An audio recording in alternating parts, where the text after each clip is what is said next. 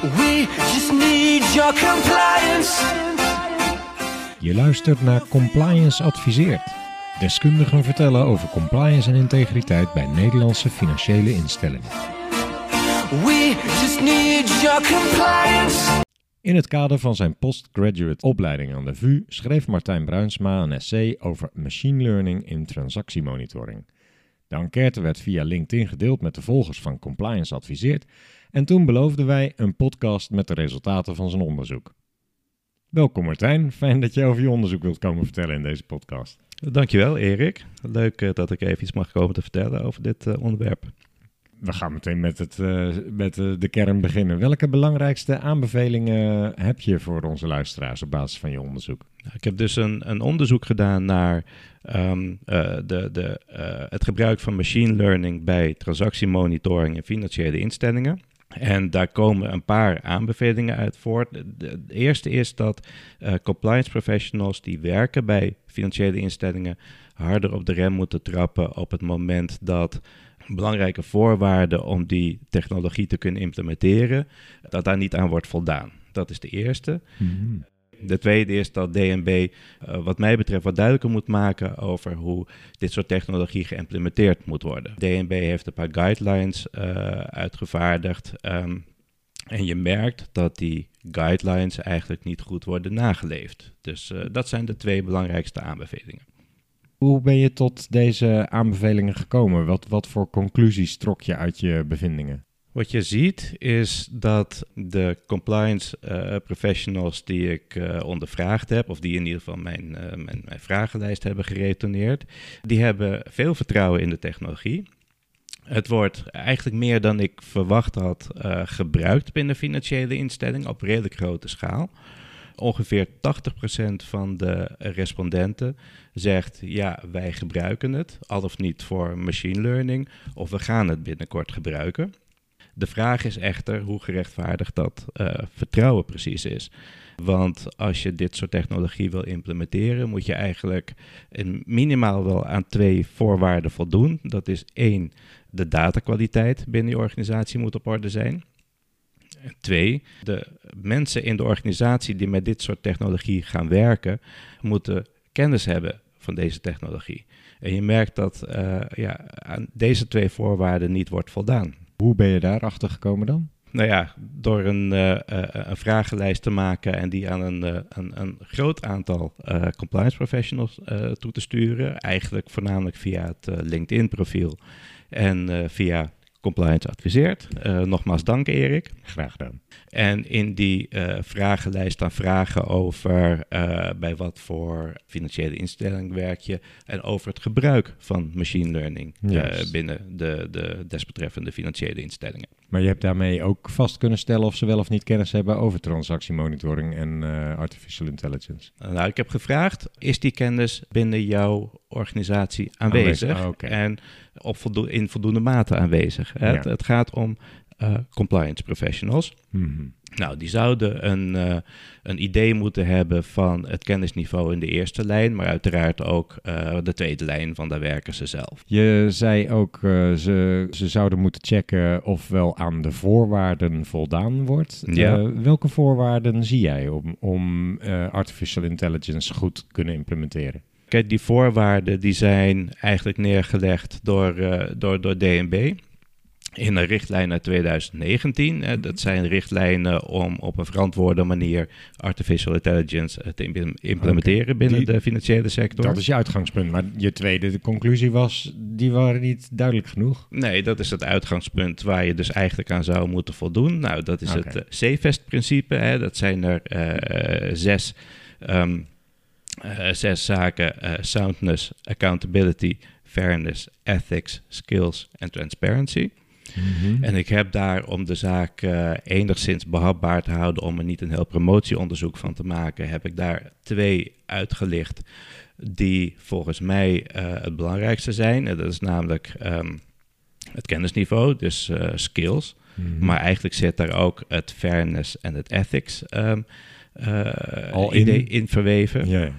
Ehm, dus eh, zeg maar, eh, ja, en de datakwaliteit. De datakwaliteit kom je gek genoeg weer niet tegen in die, eh, die DNB-principes. Oh, Maar ja, datakwaliteit is natuurlijk onontbeerlijk. Ja. Immers, ja. als je een machine learning algoritme gaat voeden met eh, data die, eh, eh, die, die van slechte kwaliteit is, Ja. ja. dan zijn de, de vo- voorspellingen die, die algoritmes gaan maken natuurlijk ook niet goed.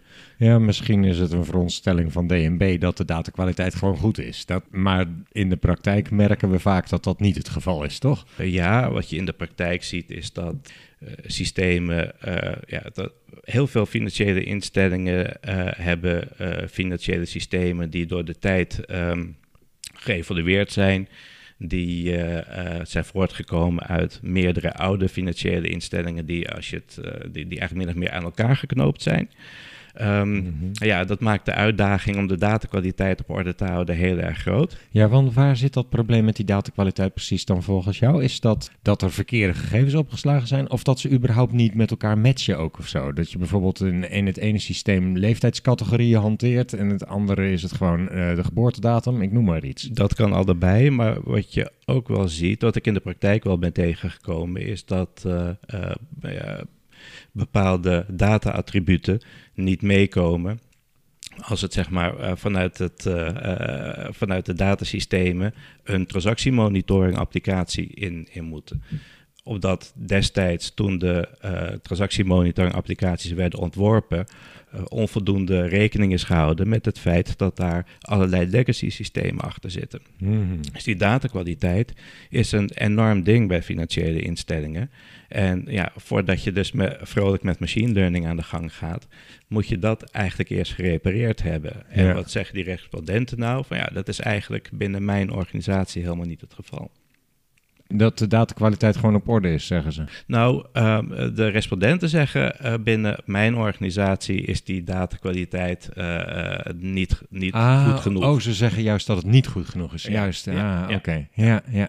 Nou, dat is een hele belangri- heel belangrijk aandachtspunt. Ik zou me kunnen voorstellen dat als je met artificial intelligence aan de slag gaat, dat je die stap misschien wel over het hoofd ziet als je je daar niet echt bewust van bent. Ja, en ik kan me er ook wel iets bij voorstellen. Immers, ehm, er is al een werkend transactiemonitoring systeem. Hè. De, de verplichting om aan transactiemonitoring te doen is niet iets van vandaag of gisteren. Nee. Dus financiële instellingen hebben transactiemonitoring systemen. Mhm, mhm. Die worden gevoed met data. Ik kan me goed voorstellen dat als men het idee heeft van, nou ja, we gaan daar machine learning applicaties naast zetten, dat je denkt, oké, nou dan gaan we gewoon met dezelfde data verder. Eh, maar ja, die, die, eh, die machine learning algoritmes vallen of staan met hele goede kwaliteit van data. Dus daar moet je eigenlijk eerst heel goed naar kijken voordat Ja. je ermee aan de slag gaat. Ja. Een tweede aspect van wat je zei was dat de fairness en ethics in orde zouden moeten zijn. Eh, op wat voor manier zou je dat moeten garanderen dan? je zou moeten kijken, eh datasets, zitten daar, zit daar bijvoorbeeld niet bias in? Zit er niet, eh, eh, zitten eh, bepaalde data-attributen niet scheef? Ja, eh, ehm, neigen die datasets niet naar het bevoordelen of benadelen van bepaalde klantgroepen? Juist. Ja. Dat is het met name Dat is het met name, ja. duidelijk. En dat zou je dan kunnen doen door, door die data gewoon eerst eens rustig handmatig te analyseren, begrijp ik? Je kan de data-analyse op, eh, op toepassen. Eigenlijk als je eh, met transactiemonitoring eh, aan de slag bent en je wil dat gaan doen met, ook met machine learning, eh, kan ik me goed voorstellen dat je data scientists in je organisatie dicht tegen de transactiemonitoringprocessen aan hebt. Om continu assessments te maken over is de data dusdanig dat, die, dat de applicaties goed werken.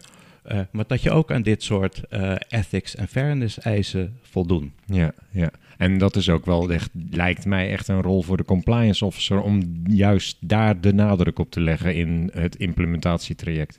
Ja, kijk, de, de eerste lijn gaat vrolijk aan de slag met deze applicaties. Die denkt van oké... Okay, ik, uh, ik, heb iets opgeleverd wat werkt, het is goed zo. Ja, uh, dus we gaan het werkend krijgen. Het is de taak van de tweede lijn enerzijds om na te gaan dat uh, die applicaties doen wat ze moeten doen, maar ook om het transparant te maken naar derden. Ja. Dus uh, de tweede lijn moet echt veel kennis hebben van uh, zaken als modellen, data, algoritmes, machine learning. Ehm, want ja, die moet het kunnen uitleggen als er een keer een toezichthouder langskomt bijvoorbeeld. Mhm. En daarom vond ik het eigenlijk wel verbazingwekkend dat de uh, het overgrote meerderheid van de compliance professionals die ik heb ondervraagd, dat die zeiden, ja, ook in de tweede lijn is de kennis eigenlijk onvoldoende. Ja, ja dat is wel uh, eerlijk inzicht, zelfinzicht, zou ik denken. Ja, ja. ja. ja. Uh, dat is heel eerlijk. Ja. Maar tegelijkertijd uh, schildert het ook wel een soort van, van zwart beeld. Want de meerderheid van de financiële instellingen werkt met machine learning applicaties. Maar de kennis erover ontbreekt. Ja. Ontbreekt kennelijk. Dat Ja. zeggen mensen zelf. Ja. ja, daar mag je wel redelijke conclusies aan verbinden, lijkt mij. Ja, ja. Dat is dus een punt van zorg. Het zou uh, moeten dat deze mensen zich beter verdiepen in de werking ervan en de kennis daarop uh, op peil houden.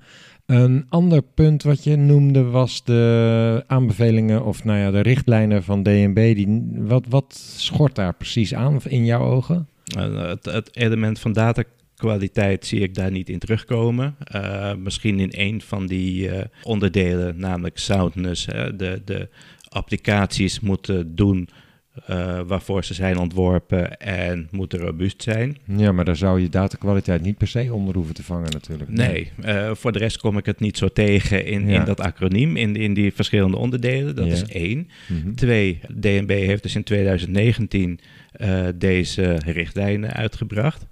Kennelijk moet DNB toch een keer terug naar de financiële instellingen om, om indringend te vragen van ja, voldoen jullie eigenlijk wel aan deze richtlijnen? Ja. Leven jullie ze wel na? Ja, ja. Daarmee zeg je dat uh, wat betreft wat er aan ontbreekt, is met name die datakwaliteit, uh, dat daar geen nadruk op ligt. En je zegt DNB zou, uh, zou er eens naar moeten gaan kijken of het wel werkt.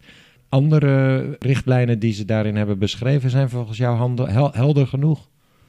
Ja, ik denk dat als je, de, als je die richtlijn van DNB pakt, dan is het eigenlijk wel glashelder Oh, waar je aan moet voldoen. Oké. Um, het feit dat je data goed moet zijn, ja, ik denk dat dat eigenlijk ook wel duidelijk zou moeten zijn. En ik denk dat je eigenlijk ook wel uit jezelf uh, tot de conclusie zou moeten kunnen komen dat het goed is om eerst aan die datakwaliteit te voldoen en dan nieuwe Ja, ja. technologie te gaan implementeren. Maar als DNB een audit erop los gaat laten, dan uh, zou het mooi zijn als ze ook die datakwaliteit eerst eens goed gaan bekijken, of niet? Ja, afgaande wat ik heb gevonden uh, toen die vragenlijsten terugkwamen. Ja. Ja, ja, ja. ja. Hoeveel mensen heb je eigenlijk in je onderzoek gehad? Hoeveel uh, respons had je? Uh, nou, er hebben circa 70 mensen gereageerd. Wat overigens een stuk meer was dan, dan ik had verwacht van tevoren. Dus um, uh, dat, dat was heel aardig. Misschien ook dank aan uh, Compliance Adviseert. Um, 54 daarvan hebben de hele vragenlijst ingevuld. Aha, want een hoeveel had je eruit gezet? Uh, ik heb het gewoon via internet. Uh, oh ja, LinkedIn, LinkedIn en, dan, en zo. Ja, en, geen uh, bruto steekproef. Nee. nee, nee. En wat weten we over de achtergrond van die respondenten? We weten dat het compliance professionals zijn, want ja, ze zitten in mijn netwerk en dat zijn compliance professionals, compliance adviseert. Dat zijn ook mensen die, uh, die, die een compliance affiniteit hebben. Met compliance, ja. Veel affiniteit met compliance, begrijp ik. Ja. uh, ik weet de branche waar ze in, uh, in, in werkzaam zijn. Dat is namelijk voor, uh, voor twee derde bank en nog voor 15% uh, betaalplatforms. En ver verder nog dingen als werkzaam bij trustkantoor, aanbieden van cryptodiensten, ja. dat soort dingen. Maar het merendeel zit dus bij een bank of een betaalplatform. Ja. En men werkt voornamelijk daar in, in de tweede lijn. En kwamen er uit de open vragen nog eh, interessante of grappige, meldenswaardige antwoorden? Uh, nee, uh, eigenlijk niet. Men oh, heeft het toch. Jammer. Ja, dat, dat is wel jammer. Het is, men heeft toch uh, voornamelijk de, de, de, de gesloten vragen beantwoord. En daar waar ik een uitnodiging deed om, om zelf even dingen aan te dragen, ja, er kwamen eigenlijk vrij weinig op, opmerkenswaardige dingen uit. Mm -hmm. Oké, okay. en waar kwam de onderzoeksvraag van jou eigenlijk precies vandaan? Wat, wat wilde je bereiken? Ten eerste moest ik natuurlijk voldoen aan die verplichting om, die, uh, uh, om dat essay te maken voor, voor mijn opleiding. Maar ik was eigenlijk ook wel, wel benieuwd.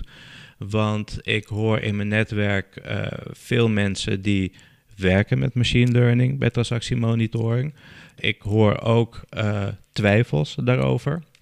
Bijvoorbeeld vindt de, de toezichthouder het wel goed dat we dit allemaal doen? Doen we het wel goed genoeg?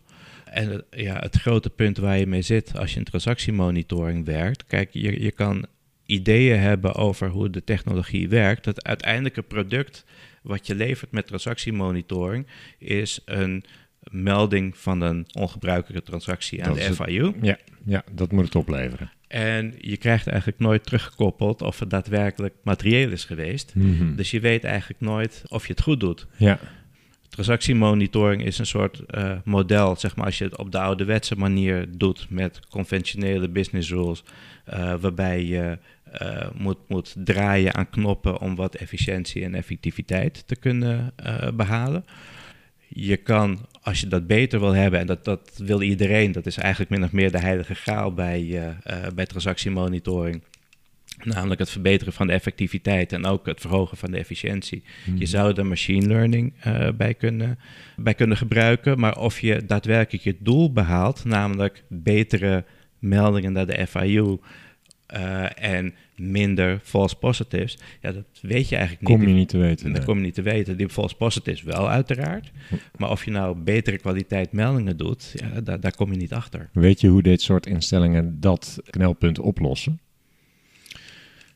Ja, nee, maar dat, dat, dat is ook een hele lastige. Daar, Ja. werkt men, daar werkt men iedere dag weer aan. Nou, ik zou me kunnen voorstellen dat ze toch gewoon besluiten om zelf een eh, beoordeling te maken van hoe goed vind ik zelf deze melding. Zonder dat je gehinderd wordt door kennis die FIU heeft. Ja. Ja, eh, kijk, je kan zeggen van ik heb een melding gedaan naar de FIU en daarmee is hij goed. Ja. Maar ja, of hij echt goed is geweest, je weet het Ja, niet. Nee, of de FIU er wat aan heeft gehad. Maar Ja. dat zijn misschien wel twee verschillende dingen. Hè? Je Ja. zou misschien voor jezelf kunnen beoordelen. Ja, ik, vond, ik vind dit ook echt ongebruikelijk wat ik hier zie. Mhm. Dan heb je misschien de beoordeling van de FIU verder niet meer nodig. Ja, maar als je jezelf dan zeg maar echt eh, flinke complimenten wil uitdelen, wat je dan gaat doen, eh, dat is heel veel melden. Dan denk je van, nou, weet je, Ja. dan ben ik in ieder geval goed bezig geweest. Ja. En dat heel veel melden, dat is, Is natuurlijk wel wat je, wat je ziet. Ja. Eh, en dat betekent dat de FIU weer wordt, eh, eh, wordt overvraagd. ja, ze hebben er zelf belang bij om duidelijke terugkoppelingen te verzorgen, lijkt mij. Ja, en dat lijkt mij dat je daar goede, goede kwaliteit ehm, ehm, Meldingen van meldingen van, k- eh, van krijgt. Dus er is ook nog een soort maatschappelijk belang om dit, om dit goed te doen. De FIU heeft namelijk niet, niet, niet onbegrensde eh, budgetten voor resources en zo. Hm, hm. Ken jij zelf succesvolle toepassingen van eh, machine learning bij transactiemonitoring? Ja, nou, wat ik net al zei, in hoeverre eh, het succesvol is, weet je dus eigenlijk niet. Maar Ja. ik, ik ken wel gevallen waarin het wordt gebruikt. Voornamelijk voor clustering, dus voor segmentatie van klantdata.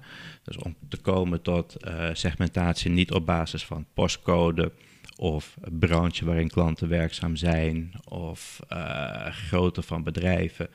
Ehm, maar eh, je kan machine learning technieken gebruiken om, om, om een algoritme gewoon op zoek te gaan, te laten gaan naar segmenten. Misschien mag ik het in mijn eigen woorden zeggen dan dat, dat, het, eh, dat de computer eigenlijk zoekt naar patronen die je gewoon niet zelf direct zou bedenken. Ja. Ja, Ja, ja. ja. Eh, maak dat tot klantsegmenten. Die klantsegmenten kan je dan weer gebruiken om vergelijkingen te maken tussen klanten en beter inzicht te krijgen in wat is nou ongebruikelijk en wat is nou niet ongebruikelijk. ja. Eh, Heb je een voorbeeld van wat dat bijvoorbeeld oplevert dan? Een, een beeld van, goh, eh, als ik eh, in dat postcodegebied ook nog eens dit type mensen tref, dan is er mogen meer risico. Dan zou er wellicht mooi ris- meer risico zijn. Dus daar, daar kan je dan eens wat beter naar gaan kijken. Ja, ja, het ja. gaat erom dat je, dat je dingen waarneemt die het waard zijn en om eens wat, eh, wat beter te onderzoeken. En Ja. bij machine learning gaat het dan vaak erom dat je dingen uh, tevoorschijn krijgt die je niet met conventionele business rules Juist. tevoorschijn krijgt. Want die, die moet je van tevoren bedenken. Die moet je zelf bedenken. Ja. En machine learning helpt om patronen te zoeken die je niet zou kunnen bedenken. Ja. ja. Ehm, Wat is de belangrijkste toegevoegde waarde van machine learning? Of zijn er nog Mm, andere? eh, outliers in, eh, in, in transactiepatronen. Eh, nogmaals, die, die hoef je niet zelf te bedenken. Je hoeft niet zelf te bedenken van eh, of wanneer vind ik een transactie in een hele groep van transacties nou ongebruikelijk. Je Ja. kan ook een machine learning algoritme naar zoiets op zoek te laten gaan. En wellicht kom je dan eh, op, op zaken waar je zelf nooit op had gekomen, die wel het waard zijn om, Ja. eh, om naar te onderzoeken. En wat mij betreft, de derde, het he- derde voordeel van machine learning, eh, dat is ondersteuning van alert handlers door algoritmes. Algoritmes kunnen kijken van welk type transacties worden nou vaker dan gemiddeld gemeld als ongebruikelijk.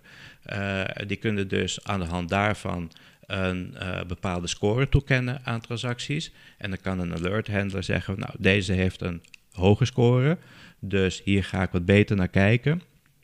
Deze heeft een wat lager score. Nou, daarvan eh, is eigenlijk wel vrij waarschijnlijk dat het niets is. Ja, ja. Eh, en op die manier kan je eh, je resources dan wat, eh, wat efficiënter inzetten. Wat is jouw mening over de rol van compliance bij het invoeren van, eh, van machine learning bij transactiemonitoring? Heb je daar ook onderzoek naar gedaan? Of Eh, ik heb er geen onderzoek naar gedaan, ik heb er wel een mening over. Ehm, eh, de, de rol van de compliance officer is de laatste jaren wel erg veranderd. Veel organisaties in de financiële sector werken met modellen voor niet alleen transactiemonitoring, maar ook voor KYC. Die modellen werken met data, met bepaalde aannames, met conceptuele kaders. Compliance officer moet die zaken kunnen snappen om goed te controleren of de eerste lijn zijn werk goed doen. Maar moet het ook kunnen uitleggen aan derden, Hmm. andere stakeholders in de organisatie, maar ook eh, toezichthouders moet op de hoogte worden gebracht van ja, hoe het zo'n beetje gaat. Dus ehm, je kan als compliance officer in de financiële sector denk ik niet heel erg goed, eh, goed je werk doen als je niet kennis hebt van dit soort zaken. ja. En ehm, eh, ja, eh, dat- is echt vandaag de dag onontbeerlijk om, om, om, om, om goed te werken als compliance officer. Dat is de kernboodschap ook van, onze, van ons verhaal vandaag. Zorg dat je je kennis op dit vlak op orde hebt, want ja. je ontkomt er niet aan. Ja. Wat is jouw achtergrond eigenlijk precies? Ik heb eigenlijk een werkend leven lang in de, in de eerste lijn gewerkt. Eh, veel in KYC, ook in transactiemonitoring. In de bankaire sector, eh laatstelijk als eh, hoofd KYC en transactiemonitoring bij een betaalplatform. Op dit moment werk ik als zelfstandig consultant, ook weer op het gebied van KYC en, en transactiemonitoring. Oké, dus niet per se alleen machine learning, maar breder eh ook KYC. Ja, ook KYC. Ja. Oké, ja. Tweede lijns compliance, is daarbij ook je expertise of is dat ook eerste lijns? Eigenlijk eerste lijns, Ja, ja. maar ik heb ook eh, de opleiding waar we het net over hadden gedaan om eh, ja, wat meer theoretische kennis te krijgen, zodat ik ehm, ja, ook wat beter kan samenwerken met, eh, met de tweede lijn Ja. en eh, ehm, ja, goed op de hoogte ben van wat er op compliance gebied allemaal speelt. Want in de eerste lijn moet je dat allemaal uitvoeren. Mhm. Ehm, het, is, het is heel erg handig om daar eh, wat extra theoretische kennis over te hebben. Welke ontwikkelingen verwacht je nog op het vlak van machine learning? Ik heb het net al gezegd, eh, zeg maar, die, de, de huidige transactiemonitoringmethode met conventionele business rules worden gezien als ineffec- ineffectief en inefficiënt. Financiële instellingen zullen verder blijven gaan met, met zoeken naar methoden om dat beter te krijgen. Een, een manier om dat te doen is natuurlijk samenwerken tussen banken. eh, en daar is ook al een, eh, een, een initiatief voor. Maar als je het binnen de, de financiële instelling zelf wil doen, ja, dan moet je toch naar nieuwe technieken eh, gaan kijken. Machine learning, wat daar gebeurt, is wel heel erg veelbelovend. Maar nogmaals, ik blijf erop hameren. Er moet wel kennis binnen de organisatie zijn van hoe het werkt. Dat is één. Twee, datakwaliteit moet goed zijn.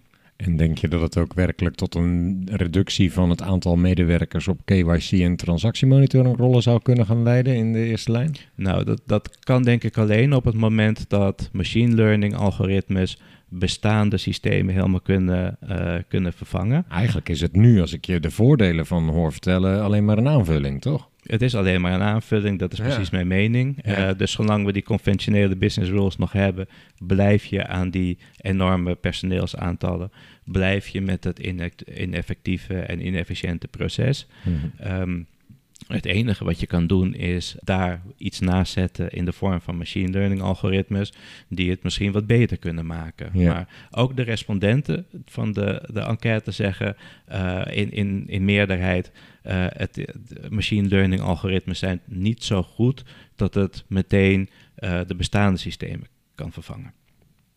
Heb je tot slot voor compliance adviseerd, want wij vragen dan altijd uh, in het kader van de titel, heb je nog een advies voor de luisteraar? Ja, uh, die heb ik. Um, uh, en dat is dan even toegespitst op mensen die werken in transactiemonitoring en in de tweede lijn. er werken ongetwijfeld heel veel wis wiskundigen en data scientists bij in het bedrijf die je goed kunnen helpen om uh, om dat goed te doen, om uh, uh, machine learning algoritmes goed werkend te houden, maar ook je bestaande systemen. verdiep je in wat ze doen en, en druk die mensen aan het hart en, en hou ze dicht bij je. Want zij kunnen je echt helpen om, ehm, om je systemen klaar voor de toekomst te krijgen. Dankjewel Martijn. Uh, aangenaam gesprek, helder verhaal. En uh, ik wil bij deze ook de gelegenheid even gebruik maken om Nieke Reuzelaars te bedanken, want uh, hij had me met jou in contact gebracht. en dat is toch ook wel weer prettig zo. Ja, jij ook bedankt. Ik vond het verschrikkelijk leuk. Hartstikke mooi. En heel veel succes met de eigen ZZP-werkzaamheden. Dankjewel. Compliance.